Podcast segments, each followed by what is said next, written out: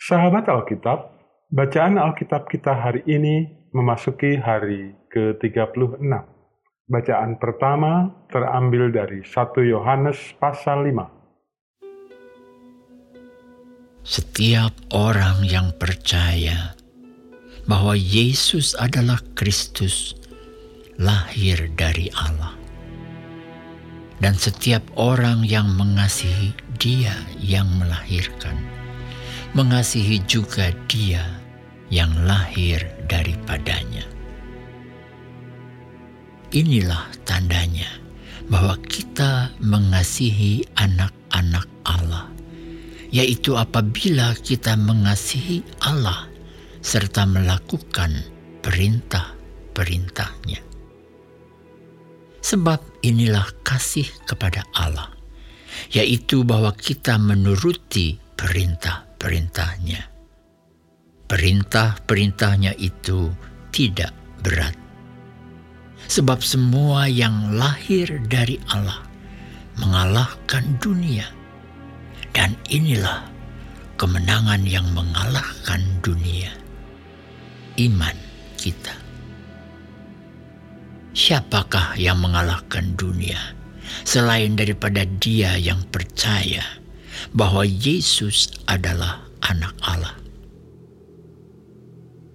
Inilah Dia yang telah datang dengan air dan darah, yaitu Yesus Kristus, bukan saja dengan air, tetapi dengan air dan dengan darah dan rohlah yang memberi kesaksian, karena roh adalah kebenaran.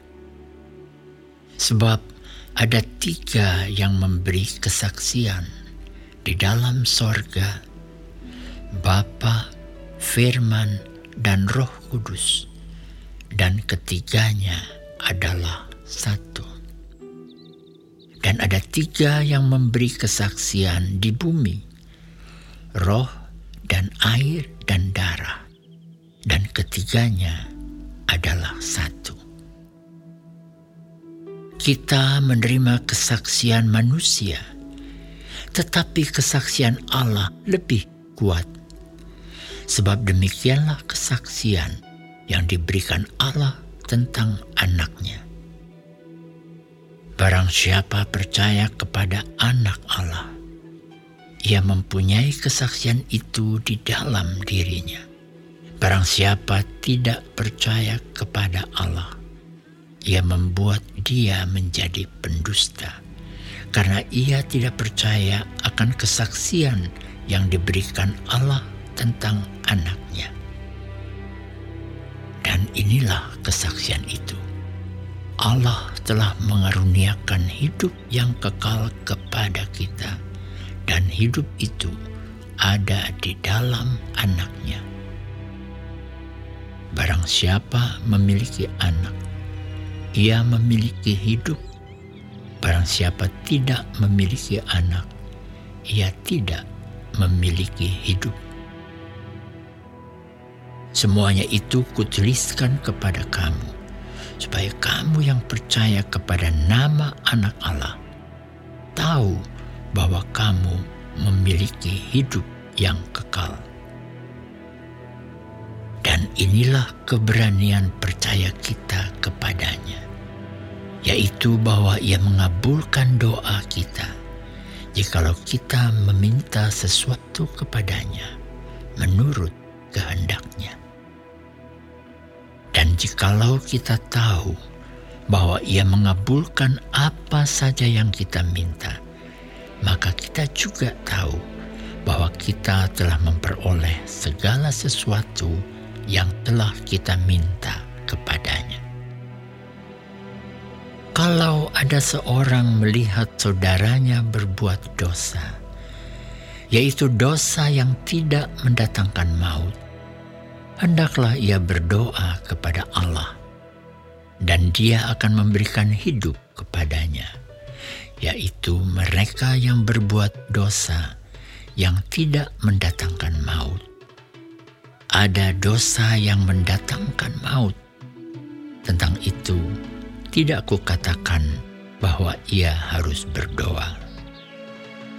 Semua kejahatan adalah dosa, tetapi ada dosa yang tidak mendatangkan maut.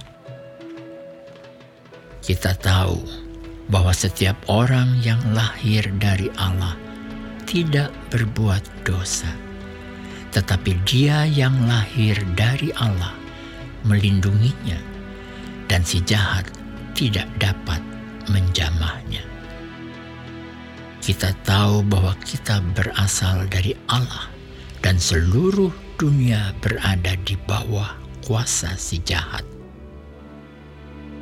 Akan tetapi kita tahu bahwa anak Allah telah datang dan telah mengaruniakan pengertian kepada kita, supaya kita mengenal yang benar dan kita ada di dalam yang benar, di dalam anaknya Yesus Kristus. Dia adalah Allah yang benar dan hidup yang kekal. Anak-anakku, waspadalah terhadap segala berhala.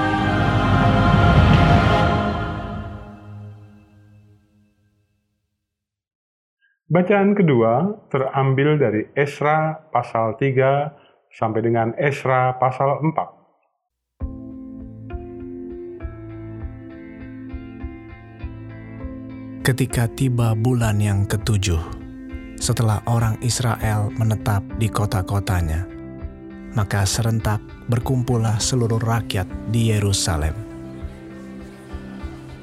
Maka mulailah Yesua bin Yozadak beserta saudara-saudaranya, para imam itu, dan Zerubabel bin Sealtiel beserta saudara-saudaranya membangun mesbah Allah Israel untuk mempersembahkan korban bakaran di atasnya, sesuai dengan yang ada tertulis dalam kitab Taurat Musa, Abdi Allah. Mereka mendirikan mesbah itu di tempatnya semula Sungguh pun mereka ketakutan terhadap penduduk negeri, lalu mereka mempersembahkan di atasnya korban bakaran kepada Tuhan. Korban bakaran waktu pagi dan waktu petang. Mereka juga mengadakan hari raya pondok daun, sesuai dengan yang ada tertulis, dan mempersembahkan korban bakaran hari demi hari, menurut jumlah yang sesuai dengan peraturan yakni setiap hari, menurut yang ditetapkan untuk hari itu. Dan sejak itu, diadakanlah korban bakaran yang tetap, juga korban bakaran pada bulan baru, dan pada setiap hari raya yang kudus bagi Tuhan. Dan setiap kali orang mempersembahkan persembahan sukarela kepada Tuhan Sejak hari pertama bulan yang ketujuh, mereka mulai mempersembahkan korban bakaran kepada Tuhan. Namun dasar bait suci Tuhan belum juga diletakkan. Lalu mereka memberikan uang kepada tukang batu dan tukang kayu, sedang kepada orang Sidon dan Tirus, makanan dan minuman dan minyak, supaya orang-orang itu membawa kayu aras dari Libanon sampai ke laut dekat Yafo, seperti yang telah diizinkan kepada mereka oleh Kores, Raja Negeri Persia. Pada tahun yang kedua, sesudah mereka sampai ke rumah Allah di Yerusalem dalam bulan yang kedua, Maka Zerubabel bin Sealtiel dan Yesua bin Yozadak beserta saudara-saudara mereka yang lain, yakni para imam dan orang-orang Lewi, dan semua orang yang pulang ke Yerusalem dari tempat tawanan, memulai pekerjaan itu. Mereka menugaskan orang-orang Lewi yang berumur 20 tahun ke atas untuk mengawasi pekerjaan membangun rumah Tuhan. Lalu Yesua serta anak-anak dan saudara-saudaranya dan Kadmiel serta anak-anaknya, orang-orang Yehuda bersama-sama bertindak mengawasi orang-orang yang melakukan pekerjaan membangun rumah Allah. Demikian juga Bani Henadad, anak-anak dan saudara-saudara mereka, orang-orang Lewi itu. Pada waktu dasar bait suci Tuhan diletakkan oleh tukang-tukang bangunan, maka tampillah para imam dengan memakai pakaian jabatan dan membawa nafiri, dan orang-orang Lewi, Bani Asaf, dengan membawa ceracap untuk memuji-muji Tuhan menurut petunjuk Daud, Raja Israel. Secara berbalas-balasan, mereka menyanyikan bagi Tuhan nyanyian pujian dan syukur. Sebab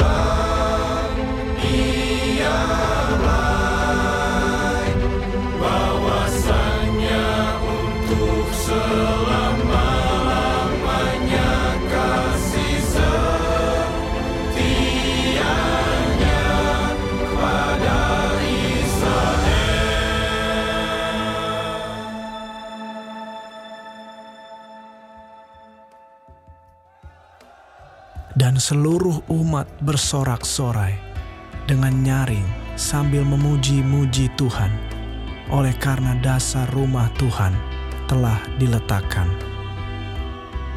Tetapi banyak di antara para imam, orang-orang Lewi, dan kepala-kepala kaum keluarga, orang tua-tua yang pernah melihat rumah yang dahulu, menangis dengan suara nyaring.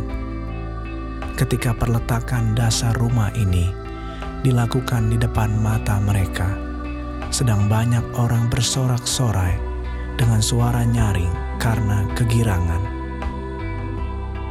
Orang tidak dapat lagi membedakan mana bunyi sorak-sorai kegirangan dan mana bunyi tangis rakyat, karena rakyat bersorak-sorai dengan suara yang nyaring, sehingga bunyinya kedengaran sampai jauh.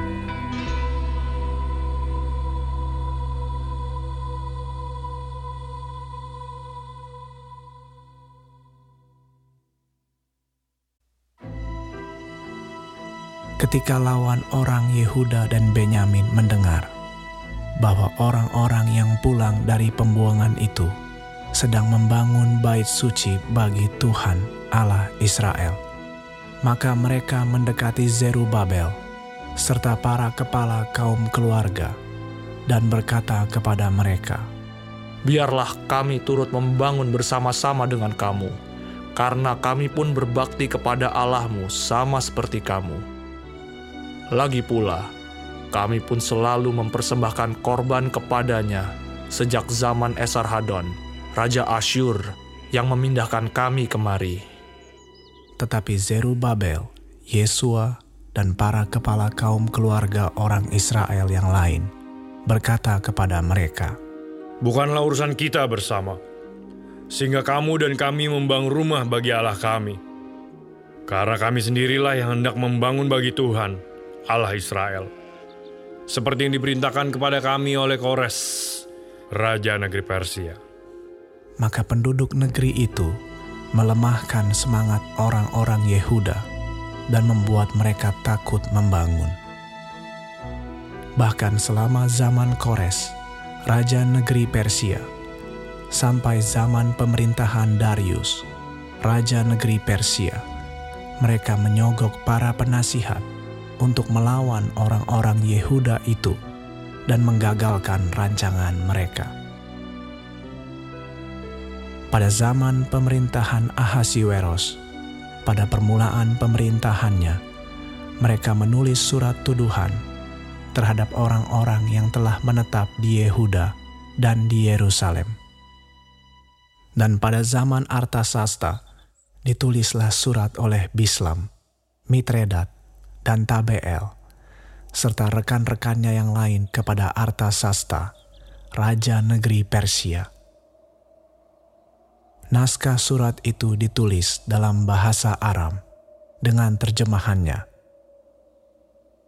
Rehum, bupati, dan Simsai, panitra, telah menulis surat terhadap Yerusalem kepada Raja Artasasta yang isinya sebagai berikut.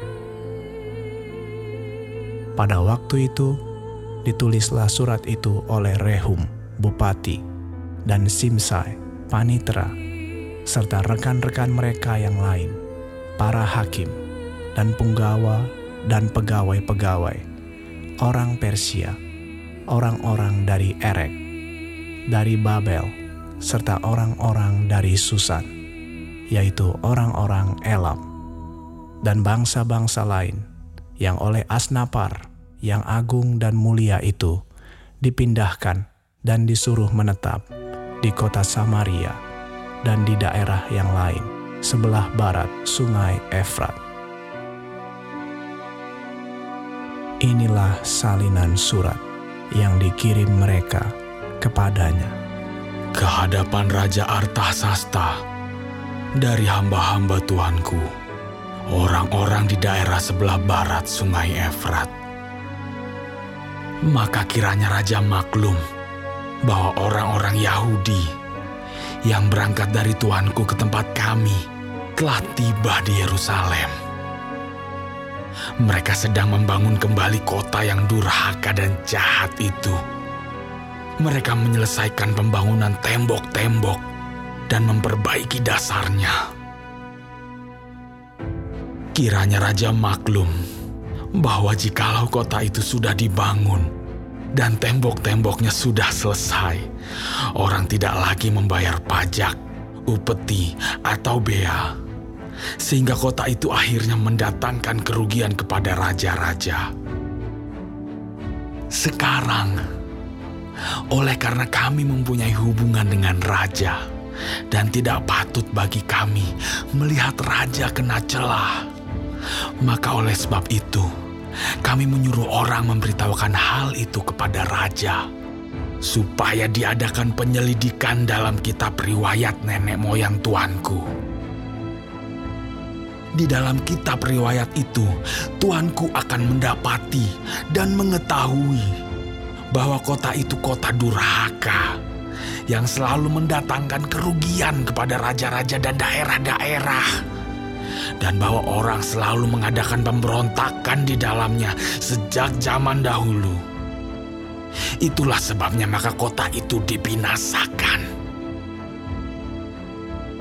Kami ini memberitahukan kepada raja bahwa jikalau kota itu sudah dibangun kembali dan tembok-temboknya sudah selesai, maka bagi tuanku kelak tidak ada lagi milik di daerah sebelah barat sungai Efrat maka raja mengirim surat jawaban ini. kepada Rehum, Bupati dan Simsai, Panitera, serta rekan-rekan mereka yang lain yang tinggal di Samaria dan di daerah yang lain seberang sungai Efrat. Salam. Maka sekarang, surat yang kamu kirim kepada kami telah dibacakan kepadaku dengan jelas. Lalu atas perintahku, telah diadakan penyelidikan dan didapati bahwa kota itu sejak zaman dahulu selalu bangkit melawan raja-raja dan bahwa penduduknya selalu mendurhaka dan memberontak. Lagi pula, dahulu ada raja-raja yang berkuasa atas Yerusalem yang memerintah seluruh daerah seberang sungai Efrat dan kepada mereka dibayarlah pajak, upeti, dan bea. Oleh sebab itu, keluarkanlah perintah untuk menghentikan orang-orang itu, supaya kota itu jangan dibangun kembali sebelum aku mengeluarkan perintah. Dan ingatlah baik-baik, supaya jangan kamu perbuat suatu kelalaian dalam perkara ini. Apakah gunanya kerusakan yang menjadi kerugian raja-raja itu bertambah besar? Maka setelah salinan surat Raja Artasasta dibacakan kepada Rehum dan Simsai Panitra serta rekan-rekan mereka, berangkatlah mereka dengan segera ke Yerusalem mendapatkan orang-orang Yahudi, dan dengan kekerasan mereka memaksa orang-orang itu menghentikan pekerjaan itu. Pada waktu itu terhentilah pekerjaan membangun rumah Allah yang di Yerusalem, dan tetap terhenti sampai tahun yang kedua zaman pemerintahan Darius, raja negeri Persia.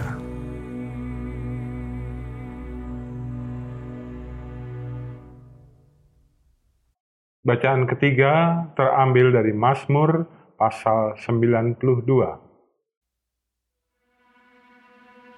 Mazmur, nyanyian untuk hari Sabat.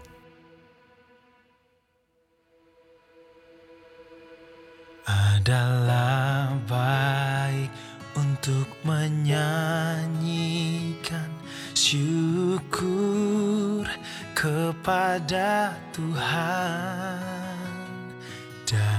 untuk menyanyikan Mazmur baginda. Mamu ya yang maha tinggi. Untuk memberitakan kasih setiamu di waktu pagi Dan kesetiaanmu di waktu malam. Dengan bunyi-bunyian sepuluh tali dan dengan gambus, dengan iringan kecapi. Sebab telah kau buat aku bersuka cita ya Tuhan. Dengan pekerjaanmu, karena perbuatan tanganmu aku akan bersorak-sorai. Betapa besarnya pekerjaan-pekerjaanmu ya Tuhan. Dan sangat dalamnya rancangan-rancanganmu. Orang bodoh tidak akan mengetahui, dan orang bebal tidak akan mengerti hal itu. Apabila orang fasik bertunas seperti tumbuh-tumbuhan, dan orang-orang yang melakukan kejahatan berkembang, ialah supaya mereka dipunahkan untuk selama-lamanya. Tetapi engkau di tempat yang tinggi untuk selama-lamanya, ya Tuhan Sebab sesungguhnya musuhmu, ya Tuhan. Sebab sesungguhnya musuhmu akan binasa. Semua orang yang melakukan kejahatan akan dicerai beraikan. Tetapi kau tinggikan tandukku seperti tanduk banteng. Aku dituangi dengan minyak baru.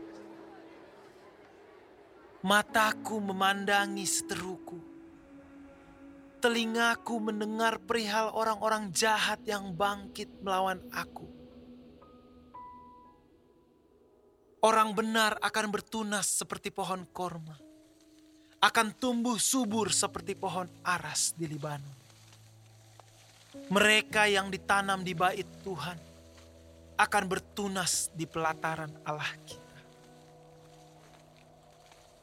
Pada masa tua pun mereka masih berbuah menjadi gemuk dan segar. Untuk memberitakan bahwa Tuhan itu benar.